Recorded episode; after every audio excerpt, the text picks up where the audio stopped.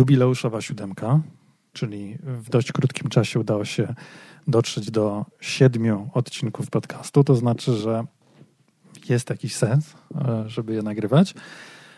I patrząc na reakcje i na to, co się działo przy poprzednich odcinkach, to wydaje mi się, że te, te, które są bardziej praktyczne, te, które dotykają jakichś takich tematów, które potem można wykorzystać bądź o nich porozmawiać, albo coś z nimi zrobić, to są te, które powinny być nagrywane częściej. Może te tematy powinny być poruszane częściej. Jeżeli chodzi o backstage, bo do tej pory w każdym odcinku zaczynaliśmy od e, backstage, od tego, co się zmieniło, to tym razem zmieniło się niewiele. Kolor świateł, e, które są za mną. I chyba powoli docieram do tego, tego miejsca, w którym mamy już pojęcie, jak, wyglądają, jak będą wyglądały kolejne odcinki, w jaki sposób będą nagrywane, realizowane i tak dalej, i tak dalej. Więc tu gdzieś oczywiście wraca temat, a może by zrobić live. I taki temat cały czas w mojej głowie gdzieś istnieje i na pewno na pewno wróci, mm, ale o tym innych kanałach, przy innych okazjach. Dzisiaj skupmy się na temacie dzisiejszego odcinka, a tematem dzisiejszego odcinka jest LES.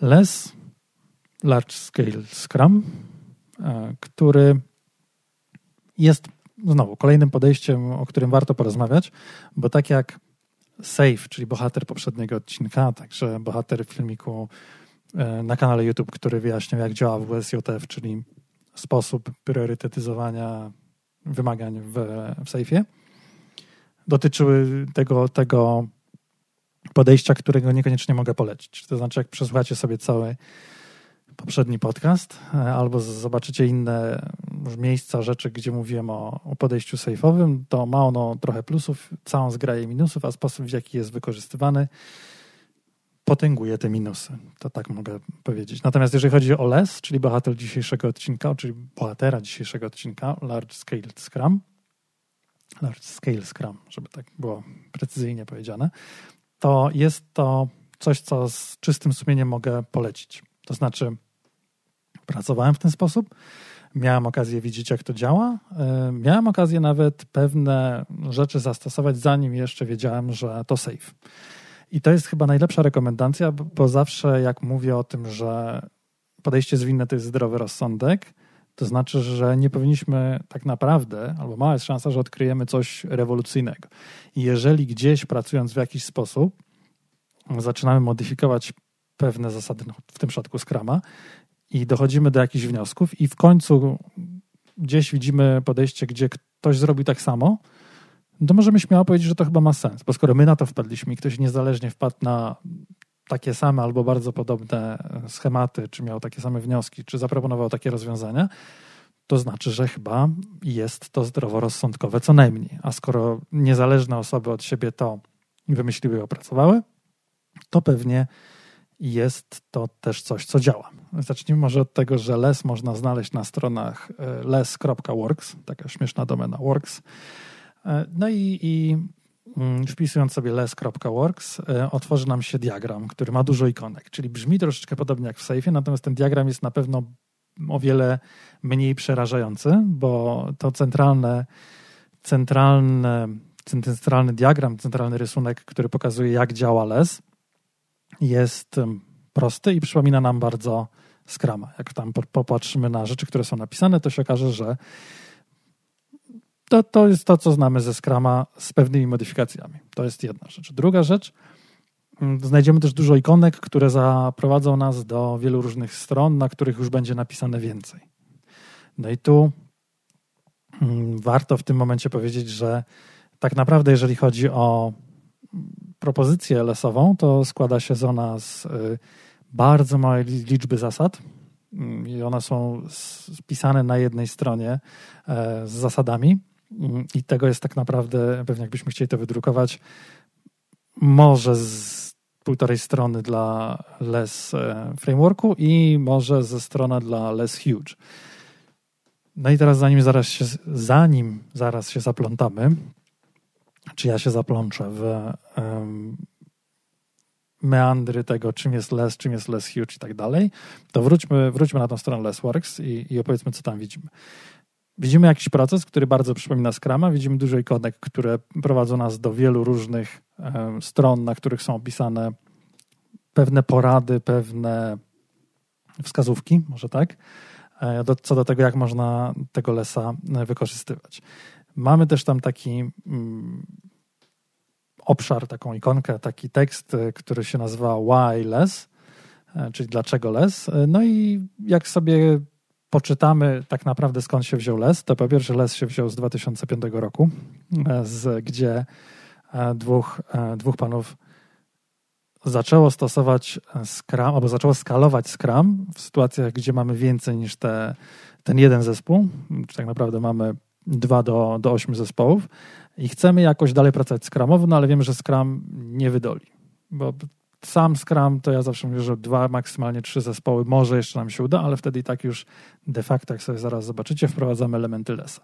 Więc mm, ten e, les powstał w 2000 2005 roku na podstawie doświadczeń. No i od tamtego czasu jest rozwijany i w ten sposób powstało to, co widzimy na tej stronie, czyli pewne przekonania, pewne pryncypia, zasady i porady. No i to tak, e, jakbyśmy mieli to wszystko omówić sobie zgrabnie, to na pewno czasu by nie wystarczyło, ale na szczęście podejście lesowe jest bardzo ciekawe, bo les mówi, dajemy ci pewien zestaw naszych przekonań, takich e, pryncypiów, którymi się kierujemy, ich jest 10. E, na tej podstawie dajemy Ci te półtorej strony bądź jedną stronę zasad, w zależności od tego, czy idziesz w less czy less huge.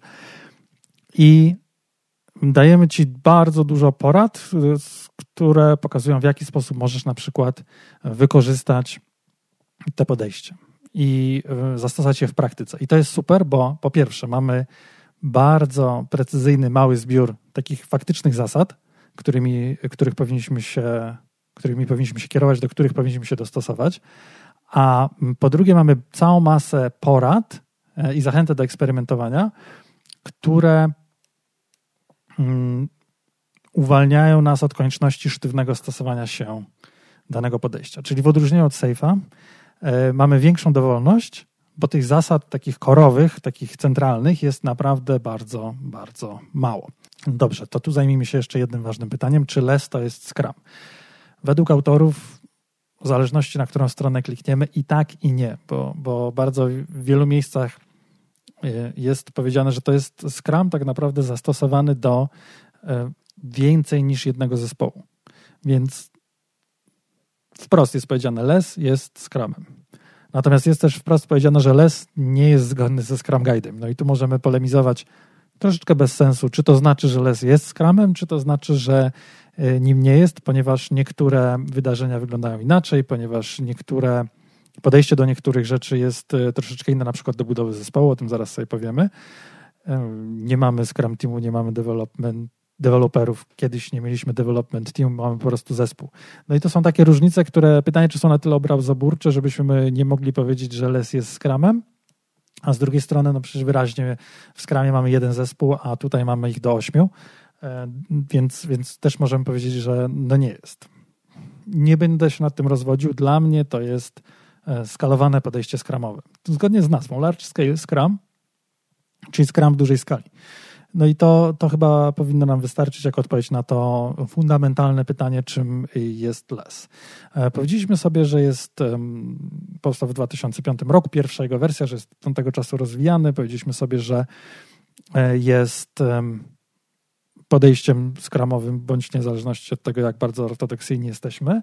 E, fajnie jeszcze sobie powiedzieć, skąd się wziął tak zdaniem autorów bo zdaniem autorów e, wziął się, mm, wziął się z tego, że czy mi się bardzo podoba, że on ma takie źródła linowe. O, w ten sposób bym powiedział, że, że ten, mm, to co jest e, u tych, w tych fundamentach, w tych pryncypiach i w tych zasadach, mm, jest zbudowane na takich oczywistych rzeczach, że żeby usprawniać pracę, musimy być w tą pracę zaangażowani, czyli powinniśmy widzieć, jak ona powstaje. Nie oglądać ją z innego budynku, albo nie oglądać tylko jej wyniki, albo nie patrzeć tylko na raporty, ale faktycznie widzieć, jak, jak ona się dzieje. Czyli to takie dobrze znane linowe Genchi Genbutsu Go-See, to jest nazywane w lesie, czyli powinniśmy ręka w rękę być z tymi ludźmi, którzy nasz produkt, nasz produkt tworzą. No i to jest super. E, tak samo myślenie systemowe jest czymś, co jest mi bardzo bliskie, bo e, my nie chcemy usprawnić jakiegoś tam jednego drobnego elementu, my chcemy zbudować system, który działa. I ten system ma być e, sam w sobie odporny na, na może nie na zmianę, to nie o to chodzi, ma sam sobie się zmieniać i dostosowywać i adaptować się, natomiast ma być odporny na niespodzianki, przeszkody i, i, i, rzeczy, które nas, e, na nas mogą czyhać, a o których jeszcze nie wiemy. To jest, e, to jest e, taki fundament, który gdzieś, gdzieś jest leży w tym lesie. Tak samo eksperymentowanie. To znaczy, les mówi wprost, to nie jest pełny, kompletny przepis na pracę każdego możliwego zespołu, czy też grupy zespołów, weźcie te pryncypia, zastosujcie te zasady, a potem dostosujcie do tego, co jest wam faktycznie potrzebne. Więc znowu, to jest coś innego niż w sejfie, który twierdzi, że ma odpowiedź na wszystkie problemy tego, tego świata. Dobrze. Znaczy, dobrze e, kończę ten wątek i dobrze też komentuję, że dla mnie to jest bardzo, bardzo fajny fundament, bardzo fajna podstawa. Jeżeli poklikamy sobie po tych stronach, znajdziemy też fajne rzeczy odnośnie tego, jak wprowadzić les, jak zacząć się z nim, mm, może nie bawić, jak zacząć, się go, jak zacząć go wykorzystywać w sposób taki, żeby przyniósł nam pewne korzyści. I ja przeczytam takie siedem, e, siedem kierunków rozwoju e, w kierunku lesa e, i dzięki temu zobaczycie, jaki faktycznie jest sposób nastawienia autorów i na co zwracają uwagę i co uważają, że jest ważne. Bo te, te siedem kroków e, w kierunku prostszych organizacji i faktycznie mm, bycia bardziej lesowymi, e, to jest po pierwsze od e, specjalistów do zespołów, czyli przestajemy, albo najpierw zwracamy mniejszą uwagę, a potem przestajemy zwracać uwagę na poszczególne role specjalistów, a zaczynamy patrzeć na zespoły. Czyli nie chcemy mieć tabelki z kompetencjami poszczególnych ludzi w Excelu i nimi mieszać, tylko chcę mieć faktycznie zespoły długotrwałe, długo istniejące, samozarządzające się, samoorganizujące, crossfunkcjonalne itd. Tak itd. Tak e, drugi aspekt to jest z myślenia o zasobach na myślenie o ludziach, całkiem oczywiste. E, trzeci zorganizowanie organizowanie wokół technologii na przechodzenie w stronę organizowania wokół wartości dla użytkowników końcowych, czyli nie nam ma być wygodnie produkować, tylko mamy faktycznie dostarczać wartość. Ta wartość jest bardziej istotna niż to, czy, e, czy, czy nasze technologiczne procesy są dla nas wygodne. To między innymi oczywiście upraszczam.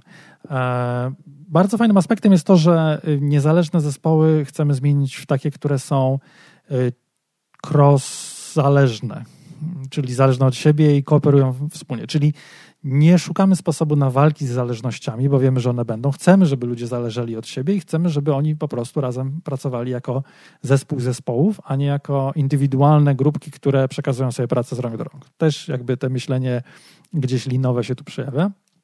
E, kolejny, kolejny punkt to jest taki, który muszę się chwilę zastanowić, jak go dobrze przetłumaczyć, ponieważ tu jest napisane, że chcemy przejść od koordynacji integracji czyli integracji pracy różnych zespołów, na koordynację przez integrację. Czyli tu jest wspierany trunk-based development, czy też sugerowany, e, czyli miejsc, kod, posiadanie kodu zintegrowanego w każdym jednym momencie. Kolejny od przejścia od projektów do produktów i od e, siódme od wielu małych produktów do kilku szerokich produktów. Te produkty chcemy, żeby były e, rozumiane szeroko. To są takie kierunki, które mi się bardzo podobają, ponieważ zresztą jak sobie zobaczymy te 10 pryncypiów, e, to, e, no to tam znajdziemy bardzo dobrze nam znane mm, rzeczy. Jak ten, teraz poczytam troszeczkę po angielsku, bo e, wylądowaliśmy już w połowie, a, a, a pewnie chcielibyście się dowiedzieć, jak LES działa naprawdę, więc tu jest ten empirical process control, jest queuing theory, systems thinking, lean thinking, um, transparency i parę jeszcze innych rzeczy. Polecam przeczytać sobie te elementy, żeby zobaczyć, odświeżyć sobie może też myślenie linowe, myślenie zwinne i spróbować się wdrożyć w większej e, liczbie mm, miejsc. trochę się zaplątałem. No dobrze, to teraz to, to, na co wszyscy czekali, danie główne, czyli jak les działa i jak możemy go wykorzystać. E, ten les podstawowy jest e, lesem, który jest stosowany dla dwóch do ośmiu zespołów.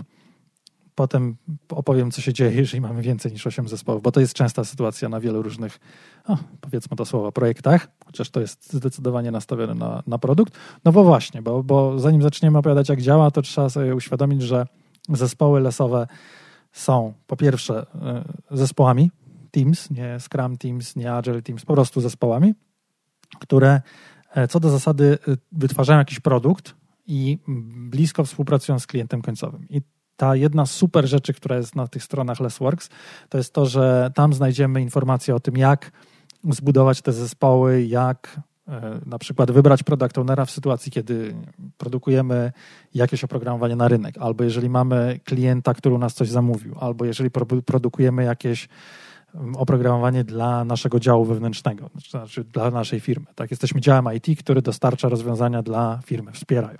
I to są bardzo fajne, praktyczne rzeczy, te porady, które mm, pokazują, jak tych zasad, tych kilka zasad, to te zasady spisane na półtorej czy jednej kartce, możemy zastosować w praktyce i jak ich używać. To są bardzo, bardzo fajne i przemawiające do wyobraźni rzeczy, no bo odpowiadają na konkretne potrzeby. Więc pamiętajmy o tym, że mamy te zespoły, one w jakiś sposób konkretny muszą być zbudowane. Tu bardziej jako, jako feature teamy niż jako komponent teamy też są poradniki o tym, jak przejść od jednych do drugich, jak je budować. Super. Mamy też produkt. Produkt jest tu zdefiniowany bardzo szeroko, bo produkt jest y, określany z punktu widzenia klienta. Czyli to, co, za co klient nam chętnie płaci, to, to jest pewnie produkt. I to się zgadza zawsze z moim pojmowaniem produktu, znaczy z moim pojmowaniem produktu, który od zawsze starałem się przekazać, że no, klienta interesuje to, za co płaci. Więc wszystkie rzeczy, za które klient chce zapłacić, mogą być potencjalnie produktami. Les mówi, że ten produkt powinien być możliwie szeroki. Czyli to znaczy, że produktem na pewno nie powinny być komponenty poszczególne. Jeżeli idąc, e, nie wiem, w kierunku Spotify'a, e, to, to pamiętajmy, że zespoły Spotify'owe na przykład potrafiły być od losowego wyboru utworów. Czyli był zespół odpowiedzialny za to, teraz już pewnie nie ma, chociaż nie wiem jaka jest struktura wewnętrzna Spotify, ale było tak na pewno przez moment, że był zespół, który był odpowiedzialny za to, jaka piosenka będzie następna w e, przypadku odtwarzania losowego. To nie jest produkt. Ja nie płacę za wybór kolejnego utworu. Tak? Ja, ja biorąc Spotify'a słucham albumów, słucham wiem, losowo muzyki, słucham, no generalnie słucham różnych rzeczy i to są, to są potencjalnie rzeczy, za które byłem w stanie zapłacić. E, znajdziemy oczywiście dużo przykładów, ja teraz nie chcę ich powtarzać na to, jak budować produkty w lesie, oczywiście na stronach Lessworks e, znajdziemy te przykłady. E, Im szerzej, tym lepiej. Tak?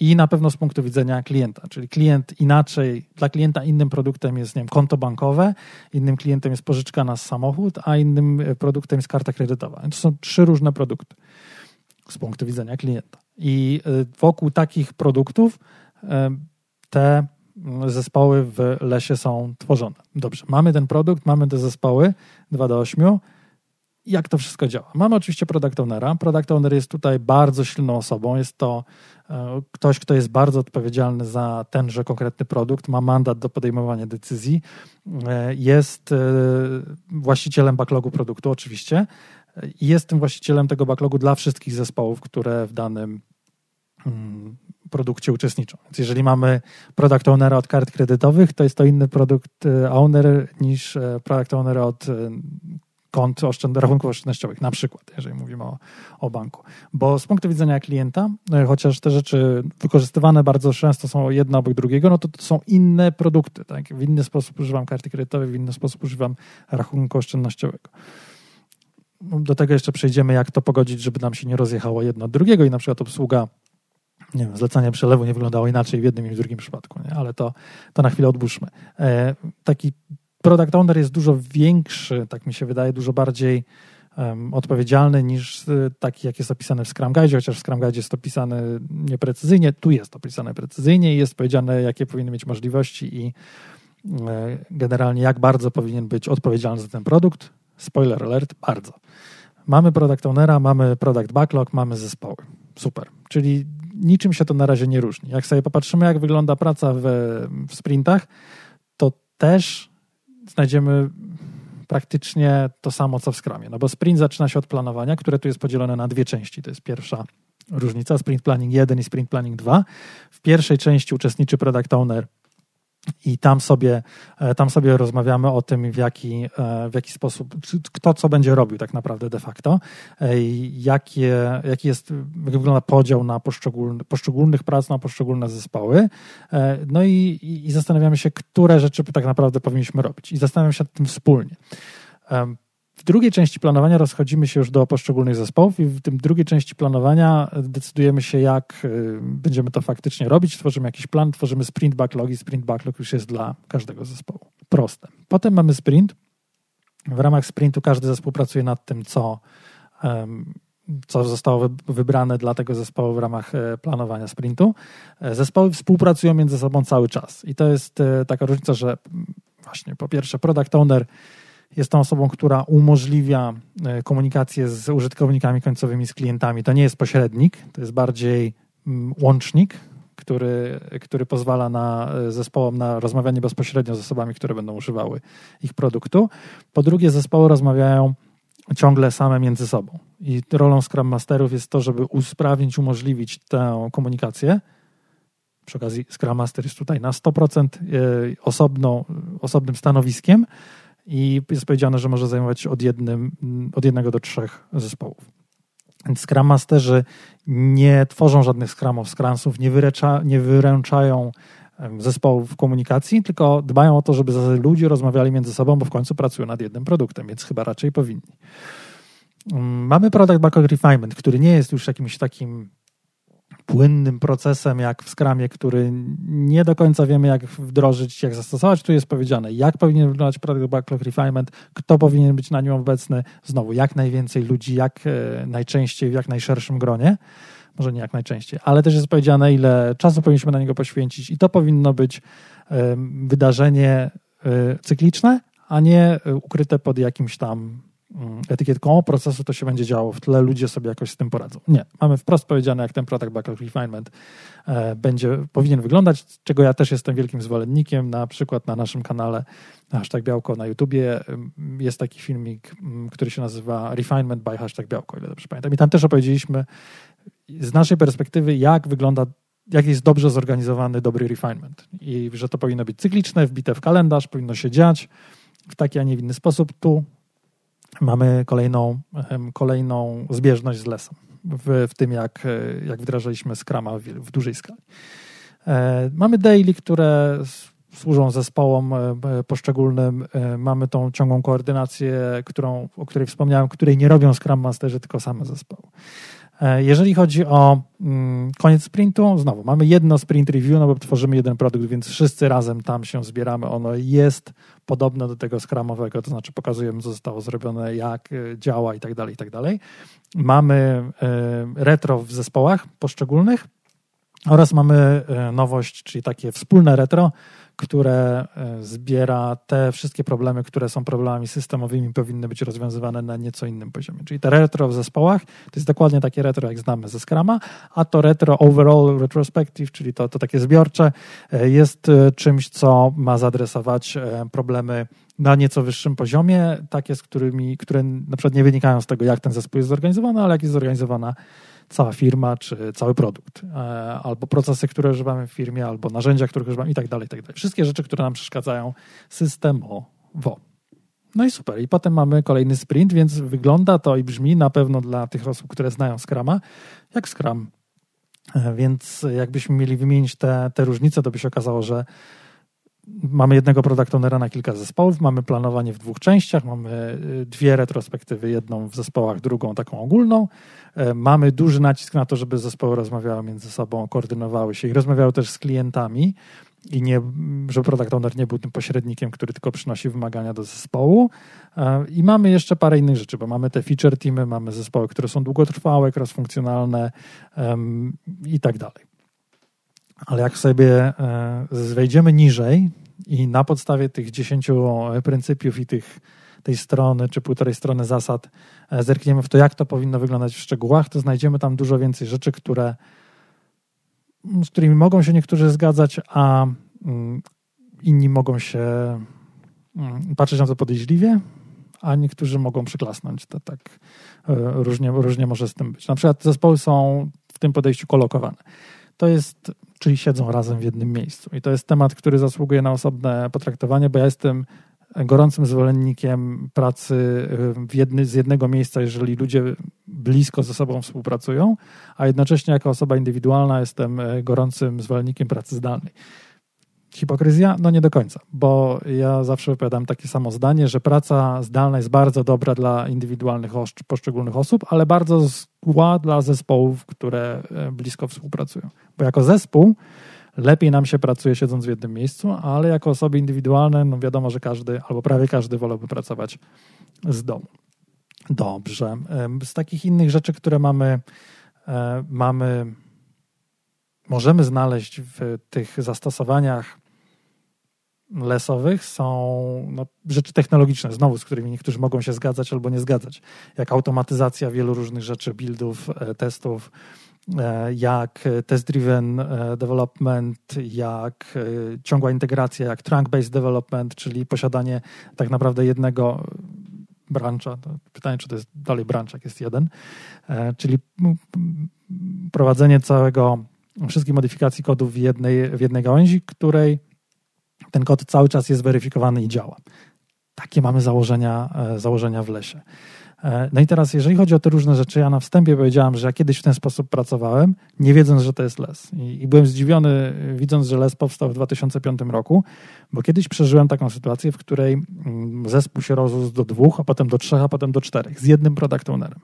Mieliśmy jeden produkt, mieliśmy jeden product backlog, więc bardzo szybko powstał pomysł, że może planowanie róbmy w dwóch częściach. To znaczy, najpierw ustalmy, który zespół co robi, bo zespoły by miały wąskie specjalizacje, znaczy miały delikatne specjalizacje. To znaczy, każdy zespół miał ulubione tematy, ale też każdy zespół był w stanie zrobić e, każdą rzecz z tych, e, które trafiały do backlogu. Więc mieliśmy jeden backlog, jednego product ownera, e, planowanie sprintu w dwóch częściach. Nie mieliśmy tego, tej retrospektywy wspólnej, ale czasami takie organizowaliśmy. Z racji tego, że zespoły pracowały nad jednym produktem i i też po tym planowaniu każdy wiedział, co który zespół robi. Zespoły koordynowały się i komunikowały się samodzielnie, to znaczy osoby w zespołach. Czyli nie trzeba było e, żadnych dodatkowych narzutów robić na komunikację, bo ludzie wiedzieli, że muszą ze sobą rozmawiać, bo, bo rozwijają jeden produkt w jednym branchu w dodatku, najczęściej. Chociaż tam branchowanie się zdarzało. Więc znowu, ja doskonale czuję tego lesa, bo kiedyś przeżyłem podobne problemy, e, na które odpowiedzią są te wszystkie zasady, mm, te pryncypia i te, może pryncypia nie są odpowiedzią w samą sobie, ale zasady i porady, te, te, te guidy, które tutaj są zawarte, są świetną odpowiedzią na takie problemy, z którymi borykają się zespoły produktowe, które się rozrosły ponad te dwa czy trzy. Les mówi o tym, że od dwóch zespołów do ośmiu można stosować les, a jeżeli mamy tych zespołów więcej, to powinniśmy zastosować e, taki wariant, który się nazywa huge e, les, czy less huge. E, I tam taką różnicą, którą na pewno można mm, założyć na pierwszy rzut oka, jest to, że w less huge mamy mm, aria product ownerów, którzy są odpowiedzialni za poszczególne obszary i mamy product ownera, który jest odpowiedzialny za całość. Czyli mamy produkty na przykład bankowe i ubezpieczeniowe osobno. Oczywiście to są zbyt skomplikowane tematy, żeby je powiedzieć na tak małe, ale aczkolwiek i, i w jednej, i w drugiej branży widziałem stosowanego lesa, to znaczy w bankowości, i w ubezpieczeniach. Ale wyobraźmy sobie, że mamy product ownera, który jest odpowiedzialny za całe e, rozwiązania dla klientów indywidualnych i takich ARIA product ownerów, którzy są odpowiedzialni za E, ten na przykład za karty kredytowe, ten za rachunki oszczędnościowe, ten nie, za ubezpieczenia w koncie. I, I, oni zajmują się różnymi, e, różnymi rzeczami. I w ramach tego, e, tego lesa huge tak naprawdę nie dochodzi nam wiele więcej. Mamy tych ARIA product ownerów, mamy mm, troszeczkę inne podejście do wymagań, to znaczy mamy ten ARIA backlog e, dla każdego produktu, e, ARIA product ownera, no i mamy ten product backlog duży dla całego naszego produktu. To nie jest wcale nic dziwnego, bo znowu to, to jest dokładnie taka konstrukcja, którą się wypracowuje, jeżeli okazuje się, że nagle mamy kilku różnych product ownerów, każdy ma kilka zespołów, no to jeszcze ktoś jest potrzebny, kto zajmie się tym całym produktem e, i, i, sprawi, że on nam się nie rozjedzie. Że chociażby właśnie zlecanie przelewu z karty nie będzie wyglądało inaczej niż zlecanie przelewu po prostu albo z rachunku oszczędnościowego. Więc les sam w sobie jest bardzo dobrze przemyślany, bo inaczej wygląda dla tych dwóch do ośmiu zespołów, inaczej wygląda, jeżeli tych zespołów mamy więcej, bo dzieli to na obszary, ale w dalszym ciągu mamy takie rzeczy jak e, tę dobrą, silną definicję produktu, jak te zespoły, które współpracują ze sobą bardzo ściśle i bardzo, bardzo dobrze też e, i, i wykorzystują naturalne mechanizmy. O, to mi się podoba, bo bo w taki sposób działamy, jeżeli faktycznie będziemy się zastanawiać nad tym, jak chcemy efektywnie pracować tymi ludźmi, tyloma ludźmi e, nad jednym produktem. I tak jak powiedziałem, to, że e, nam się udało wymyślić bardzo podobne rzeczy, to wcale nie jest mm, przypadek, no bo to nie są ani jakieś rewolucyjne rzeczy. One są zdroworozsądkowe. Les jest zdroworozsądkowy. Ja zawsze jestem gorącym zwolennikiem rzeczy zdroworozsądkowych. Oczywiście ma też ma też takie rzeczy jak e, chociażby te kolokowane zespoły, jak chociażby trunk-based development, które nie wszystkim mogą się podobać. Ma też takie rzeczy jak e, bardzo płaską strukturę. To znaczy ta struktura, która jest, jest w lesie, organizacyjna, tak? to, to te, ten product owner, ci, mm, te zespoły, e, feature teamy, czyli odpowiedzialne za, za wszystko, powinny według Lesa e, być e, zorganizowane w sposób płaski. To znaczy mamy jakiegoś, możemy mieć jakichś menadżerów. Les wyraźnie mówi, że menadżerów nie zwalniamy, bo oni robią pewne rzeczy. I nawet mówi, co robią, bo menadżerowie w lesie są potrzebni od tego, żeby udrażniać wszystkie zatkane miejsca i ułatwiać wszystkim pracę. Znaczy, zespoły się organizują jak chcą, a menadżerowie biegają dookoła i umożliwiają znaczy może nie jak chcą, bo zgodne, zespoły się organizują zgodnie z lesem i zdrowym rozsądkiem, a menadżerowie biegają i, i umożliwiają taką organizację w firmie, czyli zmieniają te procesy, które nie przystają do tego, czy dbają o ich rozwój, e, dbają o to, żeby mieli przestrzeń na pracę w, w taki sposób, narzędzia i tak dalej, i tak. E, wprost jest powiedziane, że nie ma czegoś takiego jak e, Project czy Program Management Office zwany jako, znany jako PMO, I tak samo nie mamy osób odpowiedzialnych za różnego rodzaju management, tak, nie? Management dotyczący buildów, czy, czy delivery, czy, czy różnych innych rzeczy, bo mm, tu jest założenie, że to się z tego tworzy wąskie gardło i potem no, rodzi to problemy.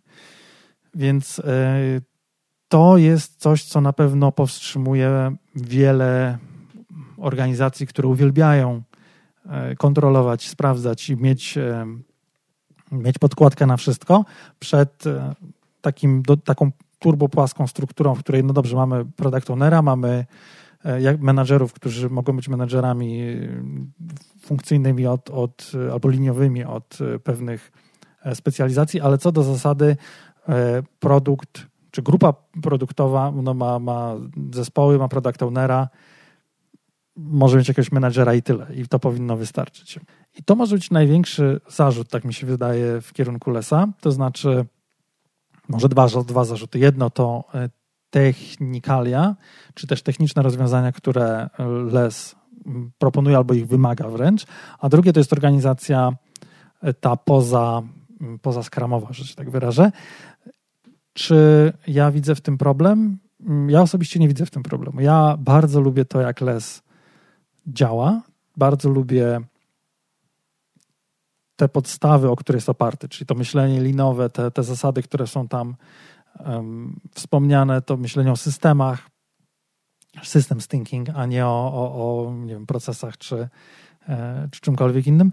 E, to podejście do tego, jak powinny być budowane zespoły, to jest to, co ja powtarzam od lat i, i wszędzie, gdzie się tylko pojawia, sugeruję, że tak właśnie powinny być budowane zespoły i im powinno zależeć na tym, żeby robić tą dobrze, e, dobrze to robić ten produkt, bo to jest ich produkt i zależy tylko i wyłącznie od nich. Że każde przekazywanie pracy z rąk do rąk jest e, marnotrawstwem i powinno być tego jak najmniej, a najlepiej wcale.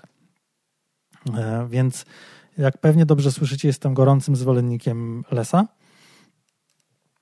jeżeli gdzieś się pojawiam, gdzie jest podatny grunt, to zawsze wszystkie te elementy przemycam. Znaczy, jeżeli kilka zespołów pracuje nad jednym backlogiem, to może jeden product owner, a nie czterech, to może planowanie w dwóch y, częściach, to i tak dalej, i tak dalej. Jest też bardzo wiele fajnych rzeczy w, w lesie, na tych stronach lesowych, y, pomagających wprowadzić les i jest cały rozdział o tym, jak, jak go wdrożyć, od czego zacząć, czym się kierować, jakie są role poszczególnych, poszczególnych osób, jak przejść z tego miejsca, gdzie jesteśmy w kierunku lesa. Tak jak powiedziałem, te, te praktyczne elementy na stronach Lessworks są bardzo, e, bardzo fajne. Jeżeli kogoś zachęciłem dzisiaj do tego, żeby poczytał, bądź poczytała sobie o lesie, to, to super, bo moim zdaniem jest to super e, podejście. Moim zdaniem jest to coś, na co powinniśmy patrzeć, e, jeżeli zaczyna nam się robić więcej zespołów, jeżeli mamy rozwijamy jakiś produkt i, i, i, już nie, nie wystarcza nam jeden, dwa, trzy zespoły skramowe. Już przy trzech to, to jest super. No, oczywiście autorzy mówią, że od dwóch. Tak, wydaje mi się, że od dwóch, e, bo tak naprawdę nic to nam nie, nie zmieni. Nie potrzebujemy dodatkowego projektu ownera. Przecież pracując nawet w e, standardowym skramie przy dwóch zespołach raczej nie będziemy, e, nie będziemy mieć dwie, dwóch różnych product ownerów, więc ja chociaż są miejsca, gdzie są więc ja zawsze tutaj na podatny grunt sieję te, te lesowe ziarna. Jeżeli mam budować duże zespoły w jaki, nowe w jakiejś organizacji, też e, to jest moja pierwsza propozycja, bo to się sprawdza.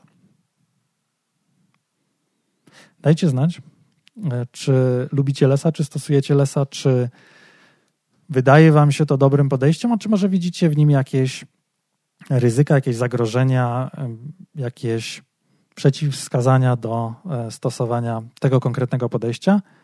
Tak jak powiedziałem, ja widzę w organizacjach, które uwielbiają swoją strukturę menadżerów, e, sprawdzenia, raporty, tabelki w Excelu i, i e, zarządzanie zasobami ludzkimi, a nie patrzenie na ludzi i zespoły. Mm, I tam faktycznie jest pewne niezrozumienie, no bo duże niezrozumienie E, które rozbija się o pryncypia, które się rozbija o przekonania, o nastawienie, o mindset.